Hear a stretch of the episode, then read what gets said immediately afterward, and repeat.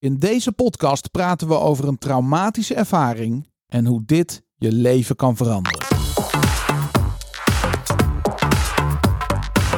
Roeland, welkom in de podcaststudio van Storyband. Daar zijn we weer. Yes, leuk. Dankjewel Daan. Heerlijk. Ik heb hier naar uitgekeken. Dit wordt een eh, bijzondere aflevering, heb ik het gevoel. Dat idee heb ik ook, ja. Chris van der Krieken is de aanstichter van deze ellende. Ja.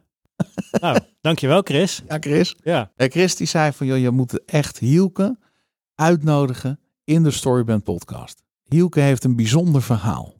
En ook een heel persoonlijk verhaal, wat Ja. zijn hele leven heeft veranderd. Een traumatische ervaring op jonge leeftijd, wat tot op de dag van vandaag zijn leven eigenlijk helemaal heeft bepaald qua koers. Ja. Heb, je- heb jij wel eens een traumatische ervaring meegemaakt?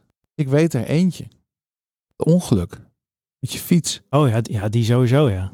Die was wel heftig, echt shocking, vond ik. Oh, en ik zat nog veel verder terug te denken. Dat, eh, ik heb natuurlijk eh, heel veel voedselallergieën gehad. Dan moesten ze testen doen. Dan moest ik melk drinken. Nou, daar was ik Hmm. zo ontzettend allergisch voor. Daar werd ik zo verschrikkelijk ziek van. Ja. Dat, eh, ja, dat, ik wist dat dat moest, maar dat vond ik echt verschrikkelijk. Jeetje man. Ik ben er wel een keertje het ziekenhuis uitgerend ben, omdat ik wist dat ik dat moest doen. Vader erachteraan. Echt waar? Hoe oud- Hoe oud was je toen? 18? Nee. Ja, Gis- was gisteren. Ja. Oh. Hoe oud was ik toen? Zes, zeven denk ik. Ja? Ja, heel jong. Maar Zo, ja. Dan moet je wel ballen hebben om trouwens het ziekenhuis uit te rennen, toch? Dan Ja. vind je het echt verschrikkelijk. Ja, dat was het ook. Zeg maar het laatste wat je doet. Ja, Je pa, ik zie je pa al voor me. woest was die, hè. Dat weet ik nog wel. Toen dacht ik, oké, deze, gaat deze gaat niet meer werken. Nee, dan hebben ze je vastgebonden. Hij hield me wel, de eerste paar keer hield hij me wel vast, ja. Moest ik Ja. ook bloed prikken. En dat was zo'n Hmm. een heel vervelend gevoel, was dat. Dat wilde ik, dat wilde ik nooit. Nee. In de categorie weg van de pijn, zeg maar. Ja, maar het bijzondere is wel dat als je kijkt naar trauma, eigenlijk is de heftigheid van de gebeurtenis niet bepalend voor hoe traumatisch het is. Is hoe we het ervaren. Ja, klopt. Dus Ja. eh, als kind kun je volgens mij heel snel een trauma oplopen. Ja. grote hond die achter je aan zit, dan maak je je niet zo druk over als volwassene. Maar als je een klein ventje bent, die, die, die, die kan heel heftig zijn, toch? Ja, klopt. En jij dan? Nou, het eerste waar ik aan... Ja, ik heb wel wat traumatische dingen als volwassene meegemaakt. Van eh, Zwitserland en het ziekenhuis en eh, oh, ja, natuurlijk. er bijna ja. niet meer zijn in 2018. Ja. Maar als ik als kind terugdenk, want je vertelt natuurlijk een verhaal dat je 6, 7 bent, is dat ik een keer met mijn crossfiets, met mijn beste vriendje, waren we aan het eh, weer natuurlijk dingen aan doen die niet mochten. Ja. En toen ehm, was er net opnieuw geasfalteerd. Ja. Hadden ze ook bloembakken geplaatst. Mhm. Ja, die zagen we niet. ze kwamen de hoek om. En ik had net een nieuwe crossfiets met handremmen. Dat was ik helemaal niet gewend. En Ja. toen, dacht ik, eh, toen dacht ik in een flits van een seconde, wat was nou links? wat was nou voorrem? En wat was nou achterrem? En in blinde paniek dacht ik, nou dan maar allebei. Want anders ga ik sowieso Ja. over de kop. Ja, maar dan dus ook. dus ik, ik, ik, ik weet nog dat ik gewoon echt door de lucht vloog en neerkwam. En eh, lag en gewoon niet durfde te bewegen. En dat was een, uiteindelijk viel het heel erg mee. Maar mijn, ik weet wel dat mijn knie lag helemaal open. Ja. Echt open. Daar zat allemaal teer in. Ik was precies zeg maar tussen de stoep. Ja. En als dat dan net vers geasfalteerd is, dat deden ze vroeger echt met die steentjes. Mhm. Gewoon nog van die vette plekken teer. Dat was echt gewoon net een dag ervoor gedaan, weet je. Dat was nog, het was warm, het was zomer. En eh, toen moest ik naar de dokter. Dan hebben ze me echt met drie man moeten vasthouden voor mijn gevoel. Het was in ieder geval met z'n tweeën. Mijn moeder en de dokter. En toen moesten ze met zo'n pincet al die steentjes en al dat teer eruit halen. Niet fijn. nee, dat geloof ik. Het was toen wel een traumatische ervaring. Ja. Maakte indruk. Wel een van de eerste dingen die je herinnert als je dat vraagt. Ja, daarom. Dus ja, Er zit iets. ja precies. Ja, dus ik, eh, ik ben wel benieuwd. Zullen we maar meteen naar het interview toe gaan? Ik, ik, ik kan gewoon niet wachten om Hielke Nee, te interviewen. Zeker niet na alles wat Chris heeft verteld. Zo. Ja? Aan, ja. Hielke Bonnema is van huis uit psycholoog. Al tijdens zijn studie kwam hij in contact met het systemisch werk van Bert Hellinger. De grondlegger van het systemisch werk. En volgde intensieve trainingen bij hem. Sindsdien heeft hij zich ontwikkeld tot een expert in familieopstellingen. Hij werkt in verschillende leiderschaps- en organisatieontwikkelingstrajecten en maakt reizen met leiders in de natuur om daar de inspiratie te vinden om klanten en de wereld te dienen vanuit hun natuurlijke bezieling. Hier is Hielke Bonnema. Hielke, hartelijk welkom in de podcaststudio van Storybrand. Ja, leuk. We zijn uh, aan elkaar geïntroduceerd via Chris van der Krieken, die hier ook te gast is geweest en een van mijn belangrijkste businesspartners. Ja. We werken veel samen. En uh, ik hoorde, je moet Hielke uitnodigen. Als die wil komen, dan, ja, dit is echt... Hij uh, volgt bij jou, ja, ik noem het maar even een training, maar volgens mij is dat helemaal geen goed woord over familieopstellingen, systemisch uh, coachen. Ja. Maar laten we beginnen bij wie is Hielke? Neem ons eens even mee uh, als luisteraar. Ja, wie ben je? Nou, ik ben Hielke. Ik ben de directeur van de Academie voor Opstellingen. Zo, zo heb je dat. Hè? Je hebt een soort uh, businessverhaal eerst. Maar eigenlijk ben ik een gewone Friese jongen in Friesland ja. opgegroeid. Maar al heel jong met mezelf geconfronteerd. Ik zat het net al te vertellen aan je. Ik was 19 en door een ernstig auto-ongeluk en bepaalde omstandigheden uh, ja, ben ik als het ware wakker geschrokken. Dat noem je een wake-up call. Hè? In de reis van de held. In de marketing wel bekend. Hè? Ja.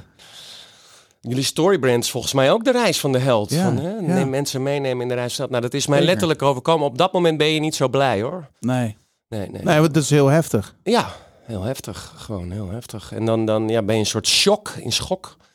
En dan ga je op zoek. Net als dat je een burn-out hebt, of uh, je relatie in een crisis, of je bedrijf loopt niet goed. Je gaat op zoek. Ja. En toen ben ik op zoek gegaan. Was het een eenzijdig ongeluk of was het een botsing? Of nee, het was een. In de, het was een uh, ik woonde in Nieuwe Teraan, dat is een klein plekje langs de A2. Ja. Tussen, uh, tussen Amsterdam en Utrecht. Hè? Ja. Tussen, ja, aan de snelweg bij Breukelen eigenlijk. Ja. Bij en, ik had een klein golfje, want ik zat in Hilversum op het gymnasium. En uh, mijn ouders hadden een hotel. Ik kom uit een horecafamilie, horecagezin uit Friesland. Dus, uh, vroeger als jongetje bij Paak en Bep op de boerderij en zo. Ah. Met de hond dus daarbij. Dus typisch zo'n zo'n verhaal. Maar dat bleek later nog veel meer in te zitten. Dat zal ik je zo vertellen. Ja. Maar uh, ik reed in mijn golfje. Ik stopte niet voor een stopbord. Dat is echt mijn fout geweest. Hè? Dus af en toe even stoppen. En ja. even voelen. En eventjes, even niet alleen maar doorhobbelen in een soort gedachtepatronen in denken en doen. Hè. Je kent Ja. het wel, een soort van nog meer druk erop en nog meer stress. Nee, maar af en toe even stoppen. Mm. Dat is, was voor mij echt een symbool. En toen raakte een schampte zo van rechts een andere auto mij. En die reed ook echt heel hard. Op dat moment had ik dat niet door, pas later. Want die, die bestuurder reed ook veel te hard. Je mag daar maar 50. En die bestuurder reed uh, ja, over de 80, zeg maar. Maar dat Ja. deed iedereen op die soort ventweg langs de, Ja. het Amsterdam-Rijnkanaal. En die schampte mij zo. En voor ik het weet ligt die auto nou bijna midden in het Amsterdam-Rijnkanaal. En drijft die. En ik sta langs de kant te schreeuwen. Hey, hey, hey. En toen deed die man zijn, zijn portier open. En toen vloeps was die auto weg. En toen eh, sprong ik ook in het water. Want die man lag schreeuwend in het water. Mijn zoon, mijn zoon. Dus ik sprong ook in het water. Zwemmen, zwemmen, zwemmen. En eh, nog probeerde te duiken, maar dat had geen zin. Gelukkig was de pontwachter ook erin gedoken. En ook zwemmen, zwemmen, zwemmen. En ik zie mezelf nog op de kant zitten. Ik heb nog geprobeerd een oude vrouw te redden. Die ook boven kwam drijven in drenkelingen eh, houding. Dat was eh, de grootmoeder. En eh, ja, dat heeft me zo diep geraakt. Mm. Een moment later zit ik, eh, ben bijna zelf verdronken toen. Gelukkig konden ze me net op tijd, want ik had mijn schoenen nog aan. Ik had echt, als je ooit iets doet en je springt in het water, doe alsjeblieft je schoenen uit meteen. Mm. Want eh, ja, die schoenen waren zo zwaar geworden dat ik bijna zelf... Ik lag inmiddels ook al vijf, Ja. tien minuten in het water zwemmend. Die oude vrouw gered. Eh, later heeft de brandweer de jongen uit de auto ontzet, maar toen bleek het helaas al te laat. En ja, dat heeft mij zo diep geraakt. Daar ben ik echt... ja, diepe schok. Ja. En vanaf dat moment begon een reis voor mij. Een innerlijke reis. Ja.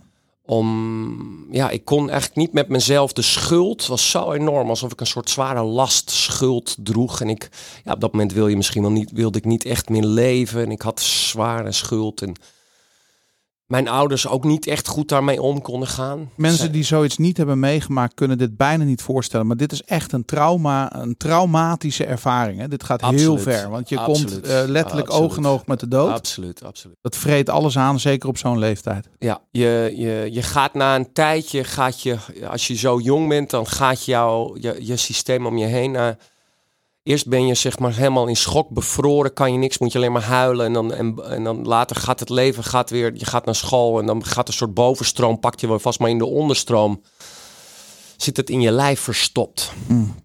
Dus af en toe even stoppen en voelen wat je doet. En vanaf dat moment begint eigenlijk een hele reis. Dit is een wake-up call in de, de helde reis die we soms maken. Zoals Ja. we dat allemaal kennen soms. En eh, toen ben ik eerst... eh, toen had je nog van die spirituele boekwinkeltjes. In de spirituele boekwinkeltjes. Ik ben in therapie gegaan. En mijn ouders hebben mij toen, dat zat ik net te vertellen... Een, een, een, een, een, een school aangeboden in de Verenigde Staten. Want het ging helemaal niet goed met mij. Nee. Wat, wat, wat, wat ging er niet goed? Nou, gewoon vluchten met mezelf, op school niet goed, eh, eh, drugs, weg. Gewoon, ik zat echt helemaal in de knoop. Is, is dat ook iets wat je als mens probeert te, te doen in lichte of zwaardere mate als zoiets heftigs gebeurt, dat je het wil verdoven? Zeker, zeker, zeker. En dat doen we door eh, in Nederland de meest favoriete eh, verdoving is hard werken.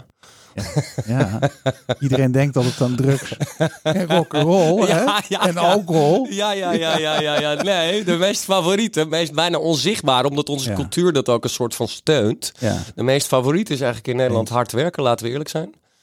Niks mis mee hard werken. Ik ben ook echt een harde werker. Maar soms is hard werken ook net, net als te veel eten is ook. Hè? Je hebt, als je lekker zit te eten, heb je, je hebt eigenlijk net genoeg. Hè?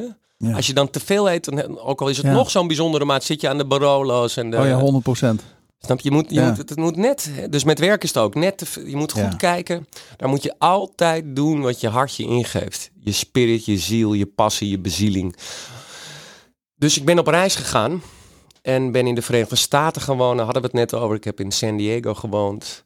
En ben daar echt begonnen met eh, ja, mezelf onderzoeken. Ik heb psychologie gestudeerd. Therapeutisch lichaamswerk. Ik ben van huis uit healer, lichaamstherapeut.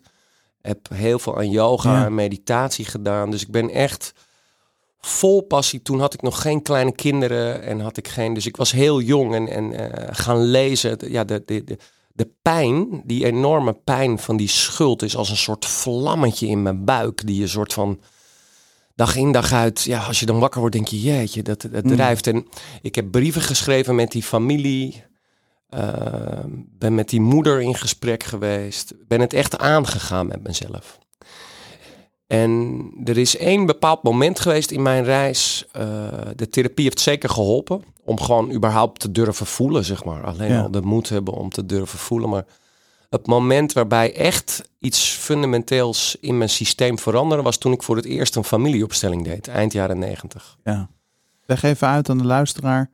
Wat is een familieopstelling? Nou, mensen die dat... dan? Ten eerste is het heel moeilijk om dat uit te leggen. Ja, hè? En je moet het echt een keer ervaren. Ja. Het is eh, als het ware een ceremonie die ook natuurvolkeren en vroeger in de kerk. Bert Hellinger, mijn leraar, was ook zelf eh, katholieke priester en was schoolhoofd bij de Zulus in Zuid-Afrika. Dus als je het hebt over, het is een transformerende ceremonie, een ritueel. Ja. Maar praktisch ziet het eruit dat je, eh, als je met een groep werkt, dat je gewoon mensen vraagt om als representant te gaan staan voor bepaalde aspecten in jouw leven. In dit geval voor je depressie, voor je burn-out, voor je, je, je bedrijf dat misschien niet goed loopt. Of, en in de individuele coachingpraktijk doe je het met vloerankers, met blaadjes op de grond. Dat noemen we systemisch coachen, mijn vakgebied. Ja. En eh, het is eh, een hele efficiënte, krachtige manier om in korte tijd te kijken waar word ik nou in getriggerd? Welke oude verhalen, welke oude stories, hè? Als Ja. je het hebt, eh, welke oude verhalen worden er nu op dit moment getriggerd? Ja. In plaats van dat ik nu naar al mijn mogelijkheden, mijn potentieel zie, zijn er bepaalde emotionele blokkades of niet goed genoeg voelen. Of in mijn geval depressie of burn-out. Gewoon, Ja. gewoon niet, dat je niet eigenlijk je, je, je, je natuurlijke potentieel vol benut. Omdat je getriggerd bent van oude overtuigingen, dingen die je tegenhouden. Dat Hoe lang de- duurt zo'n ceremonie? Zo'n ceremonie gemiddeld, ja. Eh, bij mij duurt eh, een individuele coachsessie Ja. duurt ongeveer anderhalf uur. Ja. Een individuele coachsessie. Ja. En een, zo'n ceremonie bij mij begint eigenlijk... Ik heb een tweedaagse familieopstelling. Dus Ja. Je doet het meerdere keren eigenlijk. Het is Lagen. Het is lagen, net als een ui afpellen, Ja. stapje voor stapje. Zoals je weet, eh, quick fix. Als je nog in quick fix geloopt, zeg ik altijd, kan je beter in ecstasy pils liggen. Dan ben je over een half uur helemaal gelukkig. Want al je serotonine reservoirs gaan meteen open. Je bent helemaal blij. Maar morgen, als we elkaar spreken, zit je nog vet dieper in de put. Snap je? Ja. Dus dit is wel echt met jezelf aan het werk. Mm. Wat ook fundamenteel iets verandert. Ja. En niet een soort even korte termijn, eventjes een, een soort dosis eh, serotonine. Nee, het is een soort... Ja, ik kan oprecht zeggen dat ik me echt, ondanks alle trauma's en pijn... en eh, het leven trakteert mij soms nog steeds op dit soort dingen... want dat heb je niet altijd in de hand. Kan ik echt zeggen dat ik in mijn hart de moed voel om het te omarmen. Dood, verdriet, de dingen dat ik gewoon voel... Ja, ik, ik kan er alleen maar van leren houden, zeg maar. ja, dat is ook de enige weg. Ja, dat is de enige weg. En soms Ja. is dat heel lastig hoor, laat ik eerlijk zijn. Gewoon Tuurlijk. voor ons allemaal. Soms dan, dan ben je boos op jezelf of boos op de wereld. Of eh, dan denk je, why me? En al die dingen. Ja. Ehm, Niks menselijks is soms vreemd. niks menselijks. is Maar je hebt wel een keuze. Je hebt een keuze om of eh ervan weg te rennen, wat ook op zijn tijd lekker is. Ja. Ja, why je not? hoeft niet elk gevecht direct aan te gaan. Nee, je mag Nee. ook gewoon even denken, nou vandaag even niet. Eh, en soms moet je ook eerst gewoon overleven voordat Mm. je dingen kunt verwerken. Zeker. Maar op een gegeven moment is het echt fijn om gewoon ja, met jezelf dingen aan te kijken. Ook om gewoon te zorgen dat je fysiek gezond blijft. Ja. En dat je relatie gezond blijft. Nou, wat je net zei, hè, van in die bovenstroom word je wel weer meegenomen. In die onderstroom zat het nog in mijn lijf, hè, zei Ja. je letterlijk. En dat is Ja. ook vaak wat ik mensen hoor zeggen bij traumatische ervaringen. Van ik voel het eigenlijk nog in mijn lijf zitten. Ja, Dat is denk ik, eh, ja, ik bedoel, ik ben geen medicus. Maar ik durf toch wel te zeggen dat heel veel kankergezwellen en dat soort eh, aandoeningen ook, Ja. natuurlijk, eh, je kan ongezond leven. Ja, Maar emotioneel ongezond leven, ik bedoel, dat, dat lijf Ja. staat niet op zichzelf. ja. Ik ben ook geen medicus. Maar ik heb eh, met over de 100 mensen met chronische ziekten en veelal kankerpatiënten gewerkt. Eh, ik kan zeggen dat in mijn praktijk nog nooit iemand met kanker geweest is. die niet ergens de zin vond of de betekenis vond in dat hebben. Ja. Nul. Ik heb nul ervaringen met patiënten dat niemand met kanker die bij mij in de praktijk geweest is, heeft het gevoel: dit is mij zomaar toevallig overkomen. Ik, ik word door God gestraft of zo. Dat is echt niet zo. Er zit overal betekenis in. Dit is niet een zomaar toevallig universum. Nee, Het klopt. ja. En eh, de spirituele reis en de uitnodiging voor ons als mensen is om te kijken hoe we, daar, hoe Ja. we daarbij kunnen komen. Dat we echt kunnen voelen, het klopt. Ja. Ook al heb ik pijn, ook al heb ik verdriet, ook al verlies Ja. ik mijn kind aan kanker. Of ook al, dat, ook al is het super verdrietig en ik wil helemaal niet daarmee een soort, ja, met een soort New Age sausje de pijn afdekken. Het is Nee, nee. juist in helemaal de pijn, de rauwheid van de pijn durven voelen, dat zich daarin iets heel dieps als een soort schatkist, zeg maar, opent. Maar dat, Ja. dat vraagt wel een soort onder druk ontstaan diamant, hè?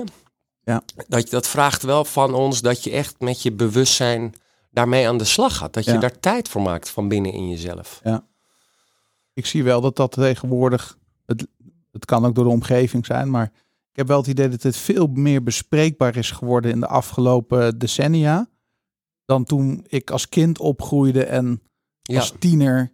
Ja. Eh, ja, dan las je misschien, het klinkt heel lullig hoor, maar dan las je Ja. misschien een keertje in de libellen van je moeder een verhaal waarvan je dacht, oh, dat bestaat ook. ja, Maar, ehm, maar nu is het wel meer beschikbaar. En ook in de, eh, eh, nu ik ondernemer, of als ondernemer in ieder geval aan, aan de slag ben.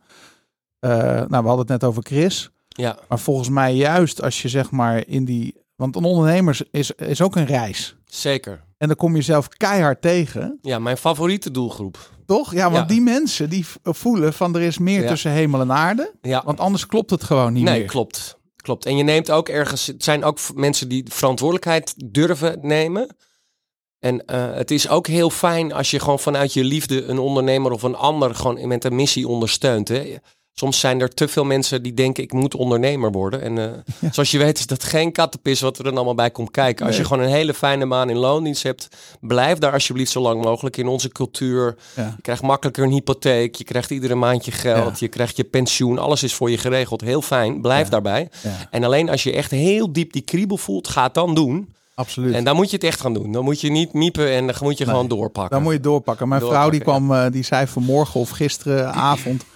Ja, er kwam een moeder op het schoolplein naar me toe en die zei: eh Hey Liz, jij bent ook ondernemer, hè?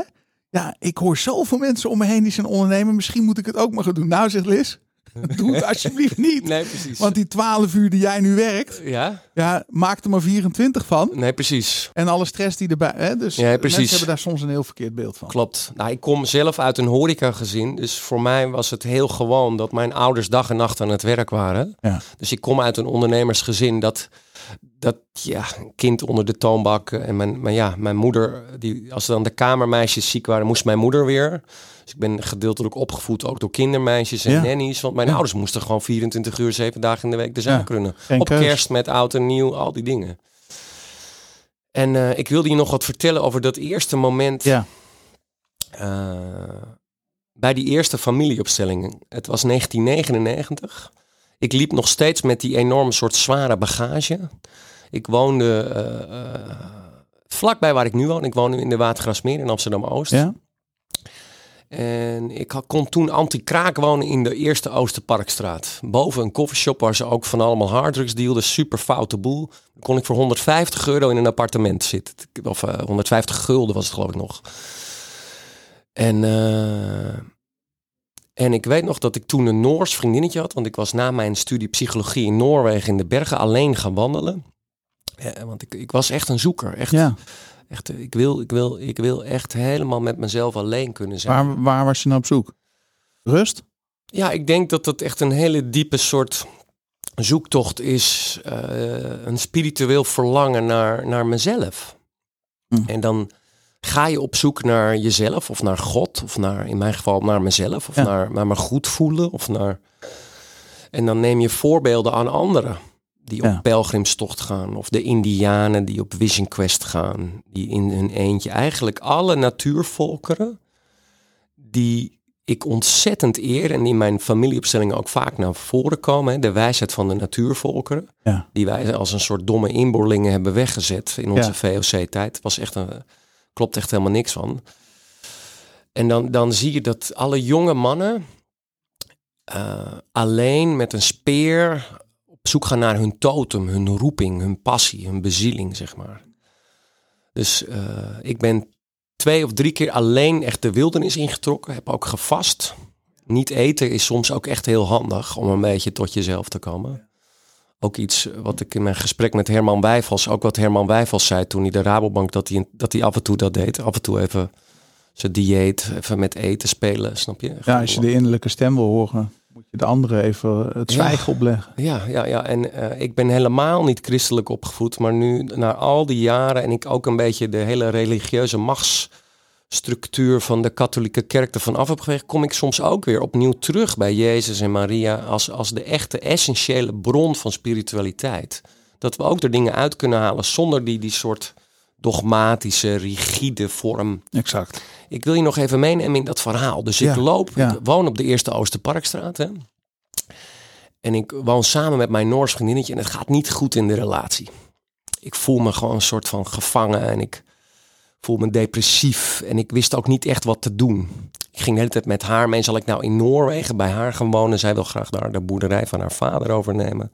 Bij Hamar in de buurt. En eh, ja, ik zit echt eh, op slot. En eh, ik zat toen, was toen al in die zoekenwereld. Hè?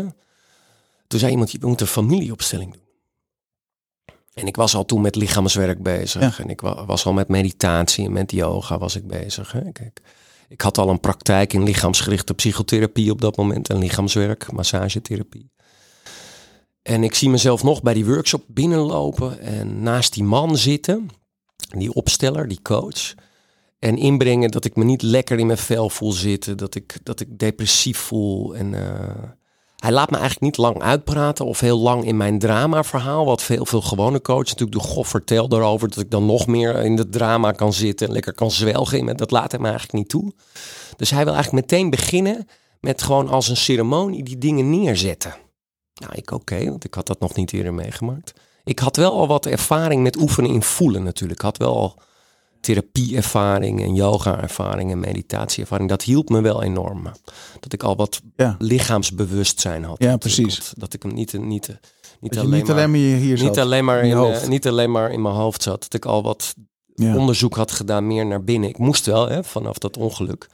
Dus ik bracht in dat ongeluk en de pijn en het zoeken en mijn relatie en mijn werk. En toen vroeg hij daar allemaal mensen voor. Nou, die gingen allemaal heel moeilijk, werd het heel verdrietig en die gingen voorovergebogen staan. Want dat is het bijzondere in een familieopstelling, dat, dat blijkt door al die jaren dat we dit nu doen, dat als je dan mensen vraagt, het is geen rollenspel, het is geen theater, dat die mensen dan, en dat is echt wonderbaarlijk, als je dat nog nooit hebt meegemaakt, dan eh, in het bedrijfsleven ook, dan zitten mensen te kijken, nou dit klopt gewoon. Hoe heb je die mensen van tevoren gebriefd? Of eh, nee, dat, het blijkt iedere keer te werken dat als je dan mensen vraagt voor die plekken en je vraagt hun gewoon te, te ervaren en te voelen wat er dan gebeurt, dan komt een soort veld, noemen we dat, het familieopstellingenveld. En in één keer begin ik te huilen en, en merk ik, jeetje, wat ben ik eigenlijk verdrietig. En toen vroeg hij mijn vader in te brengen. En mijn vader bleek ook met depressie te worstelen en alcoholisme. En ook altijd maar hard werken. En ook met mijn moeder soms dingen niet, niet helemaal lekker. En, eh, en mijn moeder inbrengen. En toen, toen vroeg hij, heeft er misschien wat gespeeld? Toen, toen het jongetje van het ongeluk wat was verdronken, lag inmiddels ook op de grond. En eh, ik zie hem nog zo liggen op die representant voor dat jongetje wat zo op de grond lag. Als, en ik, eh, ja, ik kon echt, ik voelde me zo zwaar, alsof ik als een soort, alsof ik een bal van lood, zeg maar, als atlas, zeg maar, op mijn schouders had. En eh, toen in één keer voelde ik intuïtief, kwam het verhaal naar boven, dat, dat mijn vader me toevallig een keer verteld dat zijn moeder, dus hij bracht mijn grootmoeder in, mijn Beppe, mijn, dat mijn Beppe ook, haar, eh, een, dat er ook in mijn Beppes familie een jongetje was verdronken. Haar broertje. En ook nog op het moment dat zij op hem moest passen. En toen gebeurde er iets heel bijzonders, want toen vroeg hij dus mijn, mijn, eh, mijn Beppe, mijn grootmoeder, mijn vaders moeder, eh, op te stellen. En toen vroeg hij ook om, om, om dat, dat overleden jongetje, die ook ongeveer net zo oud was als dat jongetje wat in het ongeluk was overleden. En toen ging dat, die representant zo naast dat andere jongetje liggen. En toen voelde ik letterlijk in één keer als het ware die bal. Zo alsof ik letterlijk weer overeind kwam. En in één keer voelde ik een soort, alsof alle extra bagage, alle extra schuld die ik tot dan toe zo op mijn schouders had genomen, Daan. Een soort van, ah, alsof ik een soort kon ademen. En alsof ik Ja. een soort van, wat niet betekent dat ik niet mijn persoonlijke verantwoordelijkheid had te nemen. Maar dat had ik natuurlijk de afgelopen tien jaar constant, eh, bijna dag in dag uit was ik daarmee bezig Ja. geweest. Ja. Om, om, om, maar het voelde echt, jeetje, alsof het, het klinkt een beetje gek, maar alsof, alsof ik toen ervaarde, jeetje, daarom heeft het universum mij deze ervaring gegeven om mij te leren vrij te worden van deze extra. Om mij, om mij als het ware als wakker worden te dwingen naar al deze oude verhalen in mijn familie te gaan Ja. kijken. Precies. En, die, en mijn oude verhalen resoneren met de oude verhalen van die andere familie. En dan is het lot, wat we dan het lot noemen, dat houden we helemaal niet meer van om daarover te praten. Nee. we zitten in de maakbare neoliberale samenleving, Independent. independent. Maar goed, de huidige uitdagingen, eh, de enorme uitdagingen op het gebied van klimaat en stikstof en alles wat eh, deze tijd nu heeft, vraagt ook echt om hele andere antwoorden. Dus dat we echt bereid zijn die, die, die verbinding, die onlosmakelijke verbinding tussen ons en de natuur, dat we die weer gaan herstellen, zeg maar. Mm. En dat begint met dat we eerst de, de verbinding gaan herstellen met onszelf en ons lichaam. En dat we ook even achterom kijken van jeetje, waar komt mijn eigen emotionele verwarring en mijn blokkades vandaan? Wat kan mij helpen om in mijn kracht te gaan staan? Ja, En dan ben je daar. Nu voel je die bal als het ware. Je noemde net Atlas, hè? ja. Allemaal wel kennen van Ja. Paleis op de Dam. En daar staat Ja, er ook eentje heel ja, groot. Ja, ja, ja. Die, je voelde dat die bal wegging. Dat je weer rechtop ging staan. Ja, liep die sessie af? Wat, wat, wat Nou, was... ik voelde een enorme ruimte. Ik was nog eh, ontroerd en geraakt. En het, eh, ik zat in een soort niet weten, wat gaat er nu komen? En op dat moment belde eigenlijk eh, Jan Bommeré. Dat is een, iemand... Die had toevallig mijn website gekeken. Want ik had toen al een website over lichaamsgerichte psychotherapie. Dat is heel vroeg.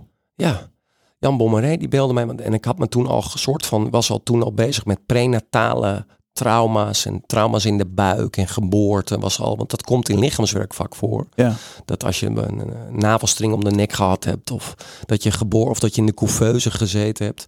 Ja. Daar had ik me toen al mee bezig gehouden. En dat stond op mijn website. Ik had toen net een, eh, een website laten maken. En die had ik geruild met iemand aan wie ik tien lichaamswerksessies had gegeven. Die had mijn eerste website gemaakt. Mooi. En toen belde Jan Bommeré mij. En via Jan Bommeré kwam ik toen bij Nieuwe Dimensies terecht. Mm. En bij Nieuwe Dimensies... En eh, inmiddels, dat, dat, gaat, dat zo'n proces gaat natuurlijk jaren in.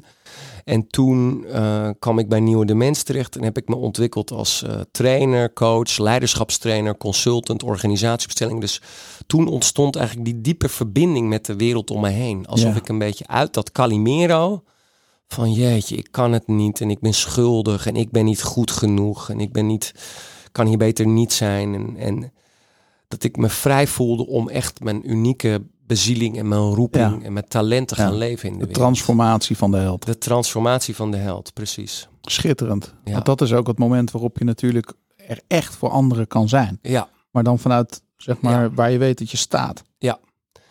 En ik, op dat moment ben ik ook vol passie eh, familiebestellingen gaan leren. Eigenlijk daarna. Ja. Ik had toen al, eh, zat al wel toen in een, eh, daar zat ik al in de afrondende fase van een opleiding lichaamsgerichte lichaamswerk. En, en zat midden in een opleiding lichaamsgerichte psychotherapie. Waar we net ook in de eindfase van die opleiding in Duitsland ook al opstellingen begonnen te introduceren. Dus het was heel mooi voor mij een soort Ja. en ik ben de komende tien jaar, eigenlijk vanaf 1999 ja, tot 2010, bijna ieder jaar naar mijn leraar Bert Hellinger gereisd. Ja. Om weer opnieuw te leren. Om gewoon verder te ontwikkelen. in verder dit- te ontwikkelen. En de, er is later ook nog een moment geweest dat ik, eh, dat ik via die opstellingen in contact kwam met mijn tot, tot dan toe verborgen halfzus in Chili. Ik bleek een halfzus te hebben in Chili, een geadopteerde halfzus in Chili. Wauw. Ja, en eh, ja, mensen die geadopteerd zijn, die, die, die komen echt thuis in dat familieopstand. Die hebben natuurlijk geen contact vaak Nee. met, hun, eh, Dat is het moment waarop ze dat contact kunnen maken. met hun biologische achtergrond. En ik, dus ik, ik had ook via die opstellingen. En ik, ik heb echt het idee, dat kan ik natuurlijk niet bewijzen, doordat ik die opstellingen begon te doen, dat mijn halfzus daardoor ook contact begon te zoeken. Want we kregen in één keer een brief uit Chili. Die in het slecht Nederlands was geschreven, want die was uit het Spaans naar het Nederlands vertaald. Dat iemand informatie zocht over haar genetische achtergrond. En ze had drie dingen. Ze zocht een man die eh, in Londen in 1969 stage had gelopen. Van de Hogere Hotelschool in Den Haag. Die uit Friesland kwam en zijn familie werkte ook in de horeca. En een detective was dat allemaal gaan uitzoeken, zeg maar. Wauw. Ja, jongen, jongen, jongen, jongen, jongen. En toen, je zegt ik kan het niet bewijzen, maar vanuit de kwantummechanica en de Ja. kwantu- kwantumfysica weten we natuurlijk uit heel veel wetenschappelijke onderzoeken dat, totaal, dat, dat er verbindingen zijn. totaal, totaal, totaal, totaal. Ja. Ja, krijgen we kippenvel van, zeg maar. Als je het zo terugspiegelt, zeg maar. Ja. aan me. En toen ben ik dus als eerste van mijn eh, gezin van herkomst... Ben ik naar, heb ik het vliegtuig genomen, ben ik naar Chili gegaan. Heb ik voor het eerst mijn, mijn echte halfzus, want we hebben natuurlijk een DNA-test gedaan. Zo'n haar sturen. En toen, eh, nou, ik, eh, en op het moment dat ik mijn halfzus zie, voelde ik in één keer, oh, dit is de missing link. Want mijn hele leven was ik echt een mama's jongetje. Ik weet nog dat ik heel als klein kind al verdrietig in de armen van mijn moeder val, omdat dat ik de afstand van mijn vader voel. En mijn, en mijn moeder, zoals moeders dat soms zonder verkeerde bedoelingen doen, hun, hun zoon soms inlijven als de kleine prins, hè, of de kleine tiran worden ze dan. Het, hè? Dus een beetje Ja. mama's zoontje. Ja. In mijn werk spreken we van vadersdochters en moederszonen. En het heeft mij zoveel gebracht toen mijn halfzuster kwam. En toen begon mijn reis van weg van moeder, weg van Mm. mijn moeder. En eh, hoe meer je weg bent van moeder, hoe meer je van haar kan houden. Hè? ja, hoe meer er afstand is, in de Ja. afstand kan je van iemand, dan kan je echt iemand zien. Ja. Als je met iemand een soort versmolten symbiose noemen we dat. Hè? Ja. En toen eh, in die afstand, en toen, toen heb ik echt een enorme reis gemaakt om weer heel diep in verbinding te gaan staan met mijn vader en mijn grootvader en mijn overgrootvader. Echt de mannen. Dat ik echt weer bij de mannen hoor. En dat heeft me zoveel kracht gegeven. Die steun van de mannen, zeg maar. Die steun van de rug in de mannen. Dat Dit voel ik nog echt dagelijks. bijzonder, ja. Ja. En dat hebben we ook nodig. Ja, ja, zeker. Ja, zeker als die ondernemer. goedkeuring, hè? Ja, die goedkeuring, een soort van steun in de Ja. rug. Een soort van. Ja. En eh, ja, als ondernemer is natuurlijk eh, de cijfers en alles hoe het gaat, is natuurlijk een linea recta, een, een, een spiegel terug van je eigen emotionele verwarring, snap je? En als je, als je een pleasende mama's-zoon bent, of een pleasende vadersdochter, dan kom je jezelf wel tegen in een burn-out. Of dat je dan je klanten pleest, of dat je dan je medewerkers pleest. ja, vroeg of laat, Vroeg of laat. is daar een, moet je daar een keer mee aan de slag. Ja, nee. eh, eh, en dat, dat kan je in jezelf gewoon doen. Maar eh, ik Mm. kan echt iedereen aanraden om daar steun en hulp bij te zoeken. Met name in deze huidige tijd zijn er heel veel, ook onder andere door mij opgeleide coaches. Ja, Want dat doe ik dagelijks. Ja. Mensen opleiden in dit werk. Ja. Om anderen daar weer mee te kunnen helpen. Hielke, ik kan me zo voorstellen dat, er, dat je als luisteraar dit hoort. En, en, en er zal een luisteraar, er zullen luisteraars zijn die staan niet voor open. Ja. Die hebben al genoeg meegemaakt in hun leven. En het luikje opengezet en gezegd, ja, er is echt wel meer. Ja. En eh, die in die ontwikkeling zitten. Ja. Er zijn ook mensen die dat luikje nog niet hebben gevonden. Of die misschien wel weten dat die ergens is, maar er lekker met een boog omheen lopen. Hè? Ja, Ehm, jij pikt ze er waarschijnlijk ook zo uit. ja, Eh, Ik zie ook mensen in mijn eh, omgeving, dichtbij en ver weg, waarvan ik zie, je ziet gewoon bepaalde problemen ontstaan. Je denkt, oh, ik zou jou zo gunnen ja. dat je die reis naar binnen maakt. Mm. En dus, eh, zeg maar, heel concreet, als je nou kijkt hè, naar. ehm, want heel, heel, veel, heel, veel- er er wordt ook toch nog heel veel gesproken over van, joh, houd toch op met dat gezeik. Hè? We willen dat vaak rationaliseren, wegdoen. Ja, We pakken streep in het zand, zeggen we in het, eh, in het bedrijfsleven. Komt een nieuwe manager binnen. We hebben het niet meer over het verleden. Ja, Streep in het zand. ja. We pakken ons biertje, we kijken ons voetbalwedstrijdje. Ja, Hè, brood en spelen, het is allemaal wel best. ja, mannen hebben daar vooral meer een handje van, hè, natuurlijk. Ja, Wat zou je tegen die luisteraar willen zeggen? Die denkt, Hielke, heel fijn voor jou, maar... ja, ja. ja. Nee, ten eerste wil ik zeggen dat ik je, je kritiek en je sceptisch totaal wil omarmen. Dat ik ook wil zeggen dat, eh, dat er gewoon verschillende soorten mensen zijn. Dat sommige mensen zijn gewoon heel erg aards en die zijn van ordenen en in de, in de, in de wereld gewoon dingen doen, werken. Ja, Dat is ook belangrijk. ja, En dan zijn dit soort meer gevoelige. eh, je hebt denken en doen. ja, En je hebt voelen en zijn. En als je naar allerlei verschillende menstypes kijkt, heb je allerlei verschillende soorten mensen.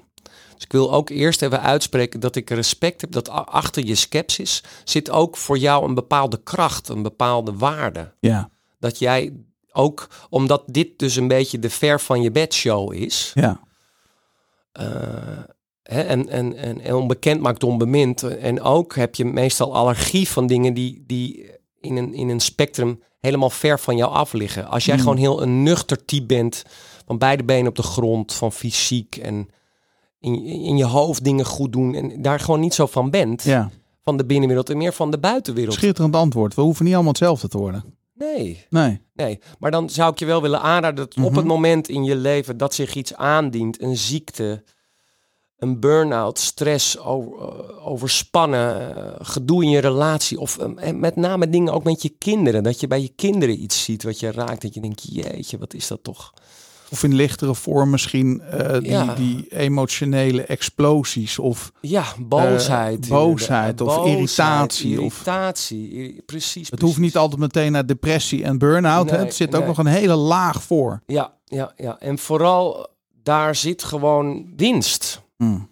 En eh, ik verlang echt niet van iedereen dat ze dezelfde soort reis of dat ik een soort. eh, ja, eh, maar, maar maak gebruik van deze huidige tijd. Als er dat soort thema's in jou zijn of in je werk niet goed in je vel of denken, jeetje, ik wil toch er meer uithalen of ik Want bijvoorbeeld aan de luister, wat scoor je nu bijvoorbeeld op je werk? Als je op een schaal van 1 tot 10, hè? Mhm. Of uh, scoor je dan, wat scoor je dan voor cijfer? Hoe gelukkig je bent in je werk? Of wat scoor je eigenlijk in je gezondheid, snap je? In je voeding, in je relatie. En, en als daar uh, cijfers eigenlijk lager dan een 8 zijn, zit daar gewoon potentie in.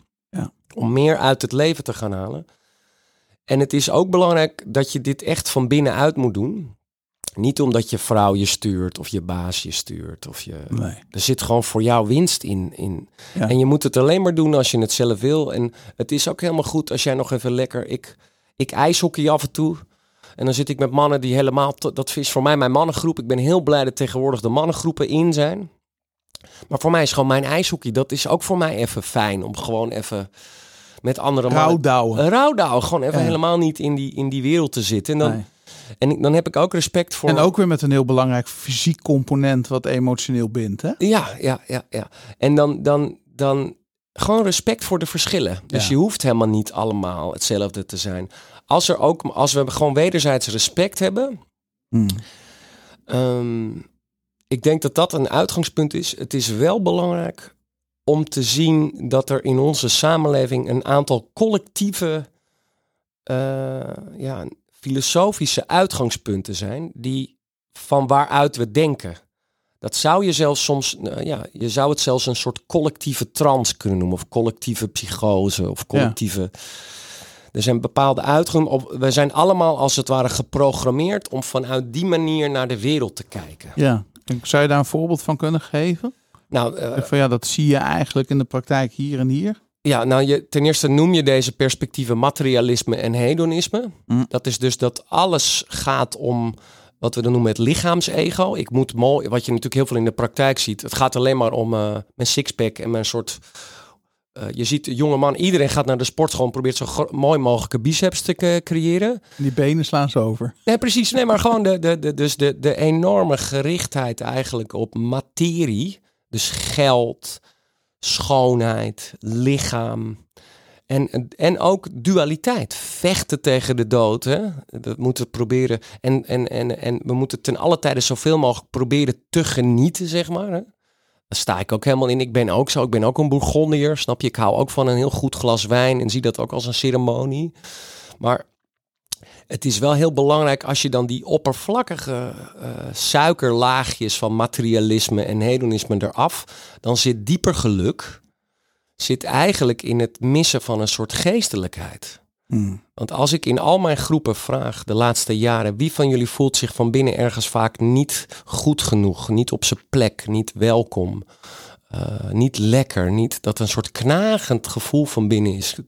Ik moet de hele tijd maar mijn best doen in de red race en dan steekt bijna iedereen zijn vinger omhoog. Dus de, de, de, de, de, eh, Hmm. je kunt best stellen dat wij in Nederland, we hebben het materialistisch echt best goed voor elkaar op een wereldschaal.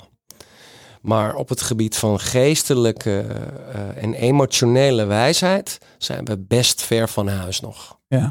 Dus eh, soms worden er grapjes gemaakt over de hoeveelheid coaches in Nederland. Ik denk ook oprecht dat die vele coaches nodig zijn. Omdat wij heel veel van ons eh, op emotioneel en op geestelijk gebied nog echt ver van huis zijn. Ja. Dus laat iedere, de helft van de Nederlanders, maar de andere helft van de Nederlanders coachen, zou ik dan zeggen. Er wordt soms grapjes over gemaakt, maar ja, het is heel makkelijk, hè? Ja. Maar eh, eens, zit waarde in.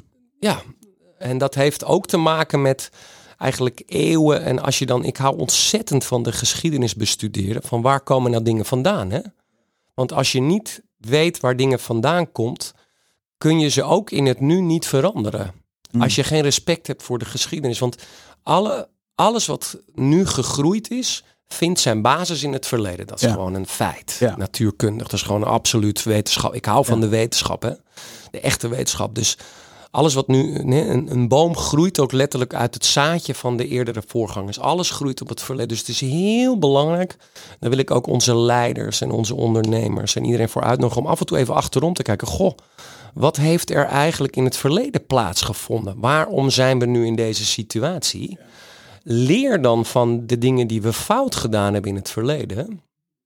En kijk dan hoe je het dan in het nu goed kan doen.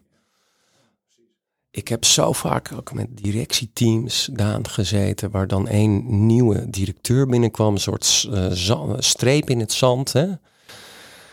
En ja, die lijken in de kast, die zitten gewoon in de kast. Dan kan je nog de kast wel op slot doen, maar die, dan rammelen ze, gaan ze op de kastdeur rammelen of gaan ze proberen via andere sluipsen. Ja. Ja, of je, ruikt ze. Ja, of je ruikt ze, of je... Nee, maar ik bedoel, de, je kunt er niet omheen. Nee, eens. Je kunt het er is niet omheen, het is er.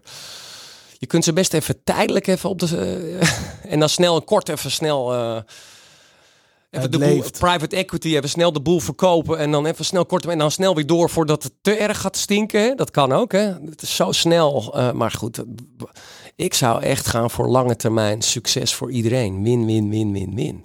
Als je, want ik, ik las ook op jouw website, Hielke, dat je bent heel veel bezig ook met het bedrijfsleven. Hè? We hebben gemiddelde onder, zeg maar de gemiddelde luisteraar van deze podcast is ondernemer. Ja. Um, waarom is dit voor mij als ondernemer belangrijk? Ja. Wat, hoe, wat heb jij mee, misschien aan de hand van een verhaal, dat je zegt van joh, ik heb eens een keertje deze ondernemer geholpen en daar kwam dit uit. En ja. misschien is dat een mooie manier om het. Uh, ja. Maar ik, ik laat het aan jou. Ja. Nou, ik heb, ik heb mijn hele leven gespecialiseerd in ondernemers. Mijn, mijn klanten zijn veelal of ZZP'ers. Ik ben... Uh, ik heb ook altijd met leiderschap gewerkt. Ik vind familiebedrijven, dus mensen die eigenaar zijn van een familiebedrijf. Ik heb ook een nieuw bedrijf ben ik begonnen samen met een aantal van mijn leerlingen, de Reconnect Company. En een van de dingen, ik zal je een verhaal vertellen. Heel veel ondernemers die, uh, die zijn heel druk bezig met het kijken naar hoe kan ik nou meer omzet uh, realiseren? Hoe kan ik meer winst? Platte doelen. Platte doelen. Helemaal oké. Ja, niks mis mee, maar het is wat het is. Nee, laten we daarmee beginnen. Dus als ik alle, ik, ik, als ik alle ondernemers die ik heb gezien, de essentie even daaruit, zodat de luisteraar er echt wat aan heeft. Hè? Laten we beginnen met meer omzet en meer winst. Dan is het heel belangrijk dat je dan daarna gaat kijken, hoe realiseer ik dat? Ja. Nou, dat realiseer je door klantwaarde. Laten we het gewoon heel simpel maken. Door waarde te leveren aan klanten met producten of diensten. Ja. Alleen, wie levert die waarde? dat ben jij. Ja, niet het pand. Nee, niet het pand. En dan heb je, nou vaak zeggen ze dan, ja, dat doen mijn medewerkers. De werkvloer, de medewerkers. En dan soms, het, het, de meeste ondernemers die ik heb geholpen, die komen natuurlijk bij mij als er eerst iets misgegaan is. Dan als er iets misgaat, dan halen ze eerst de, de, de, de, de lean boys over de, over de vloer. Snap je? Dan krijg je eerst allerlei mensen die gaan proberen de processen en structuren. En het moet ja. beter, efficiënter en effectiever. Dat krijg je dan eerst. Ja, zero waste. Zero waste. Ja, je krijgt eerst een soort, we moeten in de kosten reduceren, meer in de sales. Je krijgt eerst dat. Ook allemaal goed, hè? Totdat je merkt dat het eigenlijk in de spirit van de mensen zit in de motivatie, in de liefde eigenlijk. Een woord wat je eigenlijk helemaal niet... Hoe is het eigenlijk met jouw liefde? Ja. De liefde voor je mensen, de liefde voor je klanten. En dan op een gegeven moment realiseer je als ondernemer dat de, jouw hele zaak en alles wat daar goed en misgaat eigenlijk een spiegel is van jouw ziel, van jouzelf.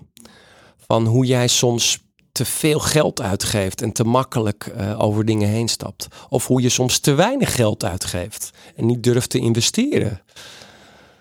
En uh, dus ik heb zelf ook als ondernemer zo gemerkt uh, dat, uh, en dat juist ook door de crisissen in je onderneming, ook als je Denk Groot en Wordt Rijk bestudeert, hè, dat boek heb ik wel tien keer gelezen. Ja. Ik heb in mijn tijd bij Nieuwe Dimensies, was ik echt gespecialiseerd in leiderschap en ondernemerschap.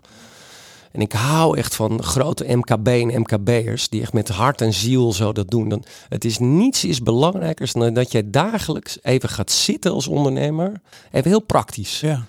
Dat je even gaat zitten als je ochtends wakker wordt en even je boekje erbij pakt en even voelt van jeetje, waar ga ik vandaag mijn hart leven, mijn bezieling. Dat je even dat gaat doen voordat je weer gaat denken en doen. En ik heb jaren ook heel veel directieteams begeleid. Vooral de Rabobank was een grote klant van mij. Voordat ze de coöperatie om zeep hielpen, met alle respect. Hè? Nu is het alleen maar een soort uh, ja, lege huls. Vehicle. Ja, of uh, het ministerie van Rabobank. Hè? Ja. Waar nog steeds die dichtbij en, en de coöperatieve nee, Dus de oorspronkelijke nog... gedachte die ze hadden. Ja, ja, dat er nog was. Ja, toen dat er nog was. En dan, dan werkte ik met hun en dan, dan dan, zag, dan vroeg ik, dan, had ik, eh, dan liet ik hun hun levensverhalen vertellen in de pijn en de dingen. En dan, dan in die waarden en je drijfveren, daar zit zoveel kracht in. Ook in het echt oprecht transparant verbinding met elkaar maken. Dat is zo belangrijk. Dat je echt een goede, dat je echt werkvriendschappen creëert. Dat je in je team voelt van jeetje, alsof je met elkaar in de bergen aan de touwen hangt. Hè? Kan ik op deze persoon, als ik het even niet kan en Ja. ik in de touwen eh, val, houdt deze persoon, is dit Ja. echt mijn vriend, mijn werkvriend? Snap je? Is het echt, klopt het? Ja. Of is er wantrouwen? En want dat, dat kleine beetje wantrouwen wat bovenin tussen twee directeuren is, dat escaleert naar beneden, jongen. Dan zag je de, de afdeling beheer en control, die dus alle, die dus samen moeten werken met de afdeling sales bijvoorbeeld. Dat als bovenin die twee mannen niet goed of twee vrouwen niet goed samenwerkten, of een man en een vrouw niet goed samenwerkten, dan ging dat als een soort doorheen en dan vertrouwden die hele afdelingen eh, elkaar niet. En dan eh, kwamen, nou, nou, je wil niet weten wat dat kost, hè? even voor de duidelijkheid. Hè? Wat dat aan geld kost als je dat niet voor jezelf goed voor elkaar hebt. Dus wat ik je kan aanraden als ondernemer. Iedere dag is weer een nieuwe dag. Eh, als je ochtends wakker wordt, neem even af en toe even tijd voor jezelf. Reflecteer op je business. Schrijf ook even op, jeetje, waar word ik echt blij van? Ja. Want als jij niet meer blij wordt van wat je doet, dan worden al jouw mensen en jouw klanten niet meer blij met wat jij voor ze doet. Mm, Dus sta echt even stil. geweldig. Ja, Mooi. ja, Maar ik kan nog uren met jou doorpraten. ja. Je hebt veel te vertellen. Je hebt ook heel veel waarde gegeven, waar ik je ontzettend dankbaar voor ben. Ik wil a- afsluiten, in ieder geval dit gesprek afsluiten met, met, met een laatste vraag. Welk, en ik stelde die eigenlijk aan iedere eh, gast, welk boek heb jij recent gelezen of ben je aan het lezen waarvan je zegt dat is nou echt, ja, dat heeft me geïnspireerd of geraakt. Dat mag ook, Oh, dit is zo geweldig. Ik heb een geweldig boek gelezen. Echt een geweldig boek. Dat is eh, Het begin van alles. Een nieuwe geschiedenis van de mensheid. oh wauw, dat is volgens mij... Ik zie dat- David Graeber en David Wenslag. Geschreven door een antropoloog en een archeoloog. Ik krijg helemaal kippenvel. Want dat boek dat laat ons eigenlijk zo zien voor wat voor een maatschappelijke verwarring we inleveren. Mm, En hoe we eh, eigenlijk. Dat boek heeft mij laten zien dat we de kracht hebben op basis van samenlevingen ver in het verleden. Die ze helemaal nauwkeurig. Het leest als een soort spannend jongensboek. Want je gaat met hun mee in de nieuwste archeologische inzichten. Tegenwoordig is de kunst van de archeologie de laatste 30 tot 50 jaar enorm toegenomen. Met rustig vegen en analyses. Dus we kunnen we weten eigenlijk precies. En er is zoveel nieuwe kennis naar voren gekomen. Die gewoon laat zien dat onze renaissance schrijvers, Rousseau en allemaal gedachten die wij hebben over dat hoe samenlevingen zich hebben ontwikkeld, dat dat een soort natuurlijke tendens, dat klopt helemaal niet. Wij kunnen, wij hebben de kracht om te veranderen. Daan, wij kunnen zelf onze samenleving vormgeven zoals we dat willen. Wij kunnen, we kunnen kiezen. We kunnen kiezen, we kunnen het creëren. Nou, ik wil je, dit boek is echt een goede investering voor ondernemers. Het leest voor in de vakantie nu. ja, Ga ervoor. ja, het begin van alles. En je doet het uiteindelijk allemaal om te zorgen dat je je verantwoordelijkheid draagt als leider, als persoonlijk leider, om te zorgen dat we onze samenleving, als je een keer groot gegroeid bent, dat we een, een wereld mee kunnen scheppen, zodat onze kinderen en kleinkinderen en verder ook nog een goed leven kunnen hebben. Want de uitdagingen die deze tijd ons geeft, Mm. vragen echt om een, niet alleen een uiterlijke transitie, maar ook echt een innerlijke transitie. Prachtige boodschap. Heel veel succes in je werk. Dankjewel, En, Daan. en wordt vervolgd. Ja, dankjewel voor alles. Ja. Het was een mooi gesprek. Ik Dankjewel. voel je hart en je liefde. En, eh, Ja. Heel mooi. Dat is geheel wederzijds. Ja, Thanks. denk Zo, Roland, dat was wel even een verhaal wat ik echt niet zag aankomen. Die ging zo baf, boem, van links naar rechts. Ja, hè? Ja, ik bedoel niet dat het niet vol was, maar we gingen meteen de diepte in. Oh. Hielke had weinig nodig om gewoon meteen heel open en transparant te vertellen waar hij mee zat. Nou, of wat, of wat hij heeft meegemaakt. Ja. Heftig verhaal. Het eerste stuk was ik zo aan het luisteren dat ik vergat om aantekeningen te maken. Ik zat helemaal in het verhaal. Ja, dus je hebt nu gewoon niks meer te vertellen. Nee. Oké, dit was het. Ja, dat is echt wel traumatisch dit. ja. Dat kan echt niet. Hè? Nee, dit. Echt? Ja. Sorry Hielke, we hebben zo'n inter- Het- zo'n interessant interview. En dan Ja. verkloten we het gewoon in de outro. Oh, ja. ja. Gelukkig is de opname nu geweest. Nee.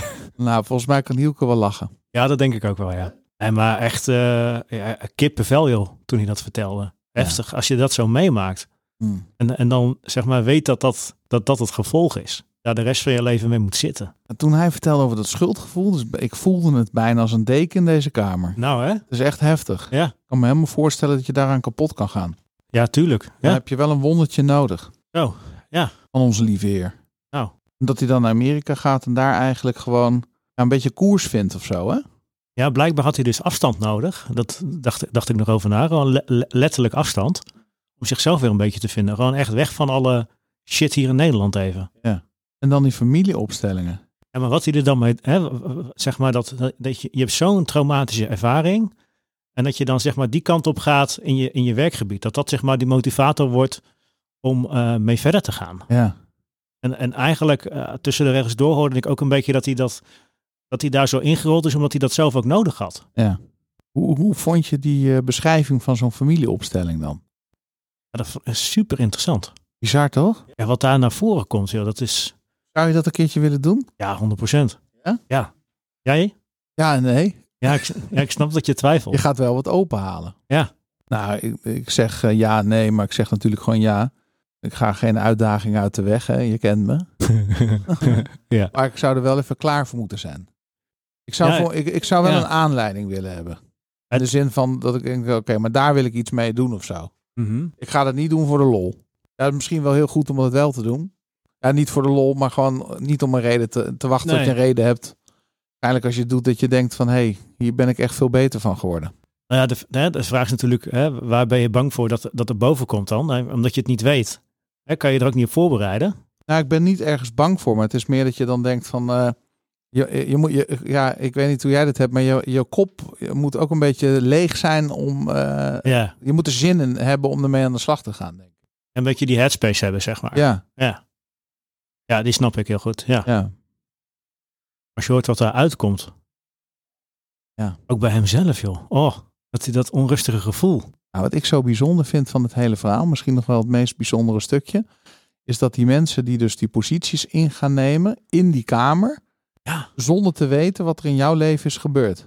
En dat het dus klopt. Ja. Hoe, hoe, hoe kun je dat verklaren? Fascinerend vind ik dat. Nou ja, de, de gedachten zijn dus ook dingen. Mhm. We, we communiceren dus ook zonder woorden. Ja, dat geloof ik stellig inderdaad, Ja. dat dat zo is. Dat, en hier blijkt dat ook uit eigenlijk. Ja, kijk, we lezen ook iemands gezichtsuitdrukking, er zitten ook geen woorden bij. En dan toch weet je hoe iemand zich voelt. Ja. Heb ik op straat ook, weet je. Dan zie ik iemand lopen en dan denk ik, ja, die voelt zich gewoon kloten. Ja. Toch? Dat zie je toch? Ja, dat zie Of ik. die is gelukkig, of die is onrustig. Dus Ja, ik denk dat je je. die energie gewoon overneemt.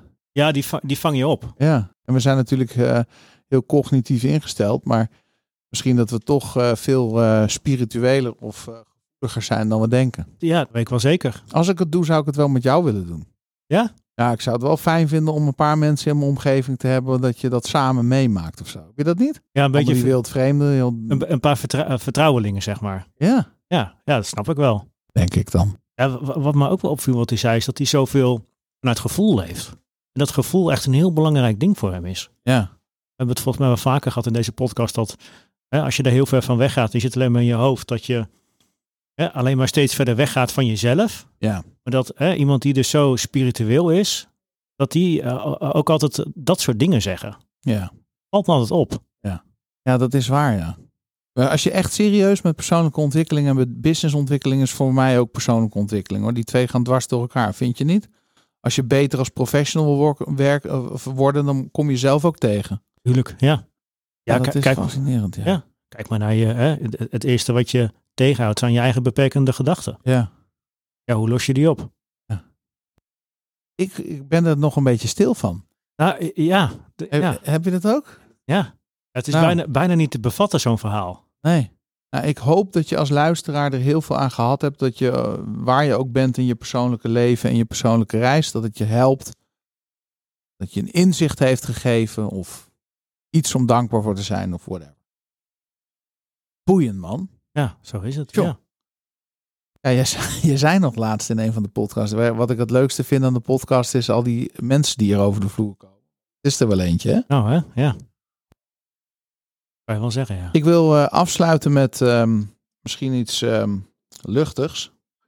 Uh, ben je marketeer? Of heb je een marketing- of reclamebureau? Je werkt op een of andere manier aan de marketing van je klanten. Of je nou dat als ZZP'er doet, of in een dienstverband, of met een bureau. Ga dan eens een keertje naar storybrand.nl slash certificering of slash gids of gidscertificering. Ik geloof dat je op alle manieren kom je er wel. De makkelijkste is storybrand.nl slash gids. Want daar vertellen we natuurlijk heel veel over ons certificeringsprogramma. We hebben een speciaal programma ehm, dat, uh, ja, waarmee je gecertificeerd kunt worden en dus ook de methode van Storyband kunt en mag gebruiken voor jouw klanten. En op die pagina vind je allemaal informatie. En bovendien kun je daar aanmelden voor ons gratis informatiesessie. Uh, die kun je volgen op een tijdstip die jou het beste past. En in die informatiesessie vertellen we exact wat het is, voor wie het is, wat je ervan kunt verwachten. En het is, ik benadruk dat even, het is geen verkoopwebinar. Sterker nog, je kunt je in het webinar ook niet aanmelden voor de certificering. Het enige wat je kunt doen is een gesprek aanvragen. En dan gaan we samen kijken of dat voor jou de beste stap is. En of we je toelaten tot de community. Dus storyband.nl slash gids voor marketeers en marketingbureaus. Namens Roeland en namens mij onwijs bedankt voor het luisteren. En tot volgende week.